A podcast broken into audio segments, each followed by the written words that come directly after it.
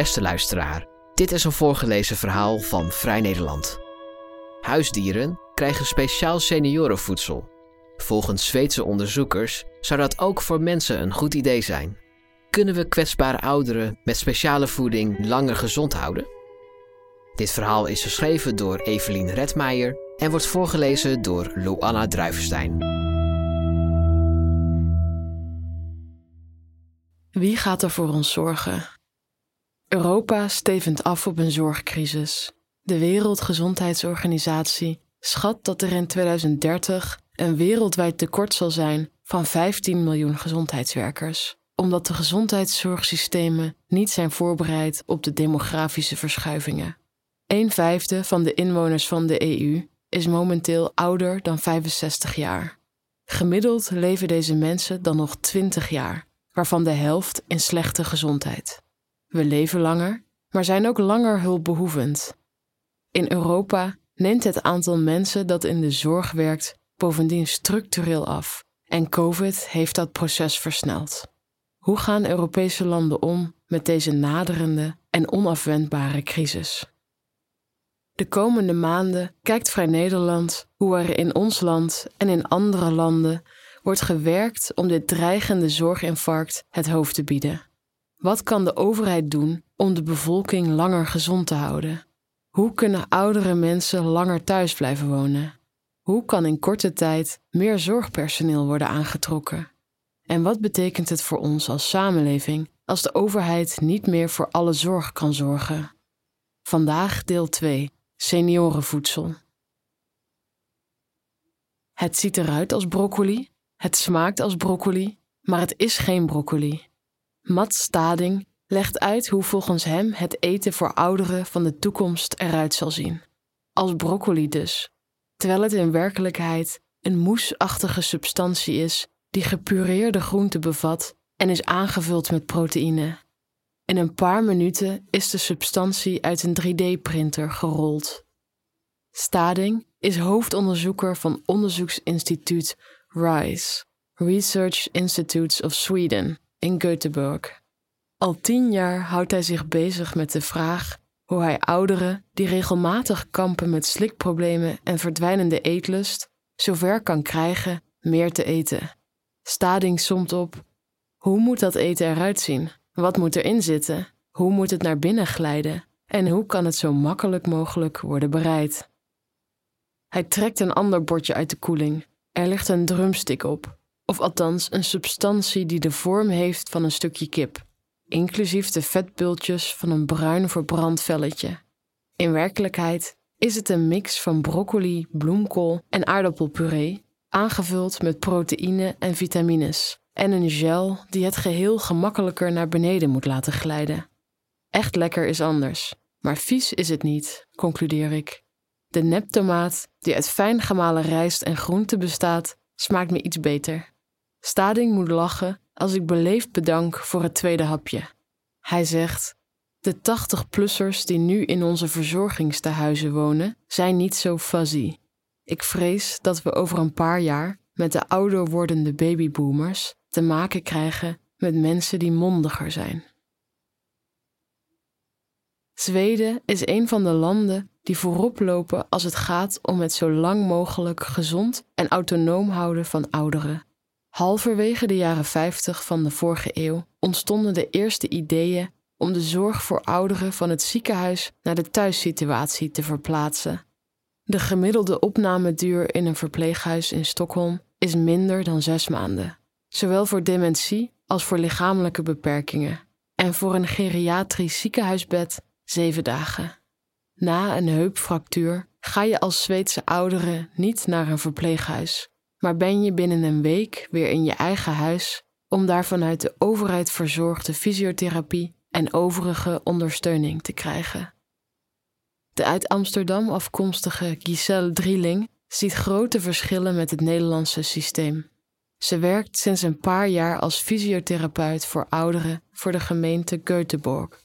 Drieling vertelt: Mijn werkplek als fysiotherapeut is bij de mensen thuis. Veel ouderen hebben intensieve begeleiding nodig, maar zijn er prima toe in staat om nog zelfstandig thuis te wonen. In Nederland is er natuurlijk thuiszorg en wijkverpleging, maar fysiotherapie op deze manier aan huis komt minder voor. Ouderen zoveel mogelijk thuis laten wonen en behandelen zorgde sinds de jaren 90 in Zweden voor een halvering van het aantal ziekenhuisbedden. Daarmee is Zweden nog niet helemaal voorbereid op de grijze golf die alle Europese landen zal treffen. Op dit moment is 20% van de Zweden boven de 65. In 2040 zal dat ruim 23% zijn. En Zweden worden oud. Mannen worden gemiddeld 81 jaar, drie jaar meer dan het Europees gemiddelde. En vrouwen worden gemiddeld 85 jaar oud, twee jaar meer dan het Europees gemiddelde. In Zweden loopt de zorg via gemeenten. Die organiseren ook fysieke activiteiten voor ouderen, zoals de valtrainingen die op meerdere plekken worden gegeven door oud-judoka's. Ouderen werken daar aan hun evenwicht en leren hoe ze veilig kunnen vallen. Vallen is een van de voornaamste redenen waardoor ouderen in het ziekenhuis belanden. Drieling zegt: De eerste lijnshulp die wij als zorgmedewerkers bij ouderen thuis bieden, zorgt er ook voor dat we zien hoe iemands huis is ingericht en of daar risico's zijn om te vallen die we kleiner kunnen maken. De gemeente voorziet in een zogeheten fixer die dingen thuis val-proof komt maken. Volgens de onderzoekers van Rice kan daarnaast winst worden behaald in het voedsel dat ouderen eten. Stading zegt: Het is toch eigenlijk vreemd dat we speciaal babyvoedsel hebben, maar geen apart eten voor ouderen, terwijl dat evengoed een categorie is met speciale behoeften. Voor onze huisdieren hebben we dat wel. Volgens Stading is het ook een marketingprobleem. Hij zegt: Niemand wil zich oud voelen en daarop aangesproken worden, terwijl bekend is dat 80-plussers vaak te weinig eten, waardoor ze fragiel worden en vervolgens stoppen met bewegen. Vervolgens eten ze nog minder, waardoor hun spiermassa afneemt. Stading zegt: hiermee wordt het risico op vallen groter en groter. Een van de redenen voor eetproblemen bij ouderen is dysfagie, kou- en slikproblemen. Dysfagie komt het meeste voor bij neurologische aandoeningen zoals MS, dementie en Parkinson. Ongeveer 82% van de mensen met Parkinson heeft last van dysfagie. Maar ook zonder deze aandoeningen ontstaan slikproblemen bij ouderen. Enerzijds door het afnemen van de spierkracht in de kaken, anderzijds door het afnemen van de tijd dat iemand zijn adem in kan houden om te slikken. Een vleugel van het Rice Laboratorium is volledig ingericht voor het testen op doorslikken. Met machines die de slokdarm, de luchtpijp, de keel en de mond nabootsen, wordt gekeken hoeveel druk er nodig is om een hap door te slikken. Stading zegt: Het luistert nauw. Vloeibaar voedsel en gels zijn het gemakkelijkst om door te slikken, natuurlijk. Maar kauwen is gezonder, ook voor de hersenen. Bovendien is het lastig om oudere mensen enthousiast te krijgen voor eten dat zo ver afstaat van het eten dat ze hun hele leven hebben gekend. In meerdere Zweedse gemeenten lopen nu proeven met het door het team van Stading ontwikkelde voedsel. Door voedsel te koken, pureren en persen en het vervolgens te mengen met een stollingsmiddel, kan het in een vorm worden gegoten die overeenkomt met het originele gerecht, zoals de stronken broccoli. Stading zegt: dat lijkt een kleine stap, maar het maakt ongelooflijk veel uit of een maaltijd als broccoli kan worden herkend. Iemand met dementie zal eerder weigeren een hap te nemen als het een onherkenbare blob is. Verzorgingstehuizen zijn voorzichtig enthousiast.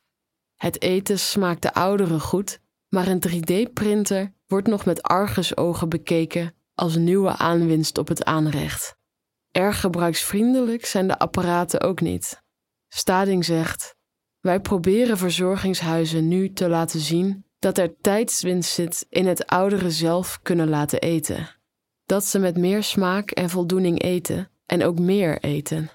Het lijkt misschien futuristisch, maar het staat een stuk dichter bij echt eten dan alles door een rietje te moeten zuigen. Rice richt de blik ook op ouderen die nog op zichzelf wonen. Stading zegt: Goede voeding kan het verschil maken, waardoor mensen langer buiten de zorg blijven. Dat is de investering meer dan waard. Iemand thuis ondersteunen is voor onze overheid vijf keer zo goedkoop als een opname in een verzorgingstehuis. Voor voedsel voor de jongere ouderen zijn de onderzoekers afhankelijk van inspanningen en investeringen van supermarkten en de voedselindustrie. Het is immers het aanbod dat in winkelschappen moet komen te liggen en waar ouderen door voorlichting en reclame enthousiast voor moeten worden gemaakt. Meerdere voedselproducenten hebben interesse getoond, waaronder diepvriesmaaltijdenproducent Findus, Iglo in Nederland. Stading zegt: dat soort bedrijven moet er hel in gaan zien en aantrekkelijke senior fooding uiteindelijk normaliseren. Dat seniorenvoeding een potentiële markt is, bewijst Japan. In het land met de oudste bevolking ter wereld liggen sinds een paar jaar tientallen producten voor mensen met slikproblemen in de schappen, zogeheten NG foods. Het woord toromi, dat gladheid of smoothness betekent, wordt nu gebruikt om aan te geven dat voedsel voor ouderen gemakkelijker door te slikken is. Japan loopt op ons voor, volgens Stading. Hij zegt: Het helpt dat de Japanse keuken van zichzelf al wat zachter is, gels en soepen bevat en in kleinere porties wordt geserveerd. Maar ik verwacht dat zo'n senior schap er binnen een paar jaar ook in Europese supermarkten zal zijn.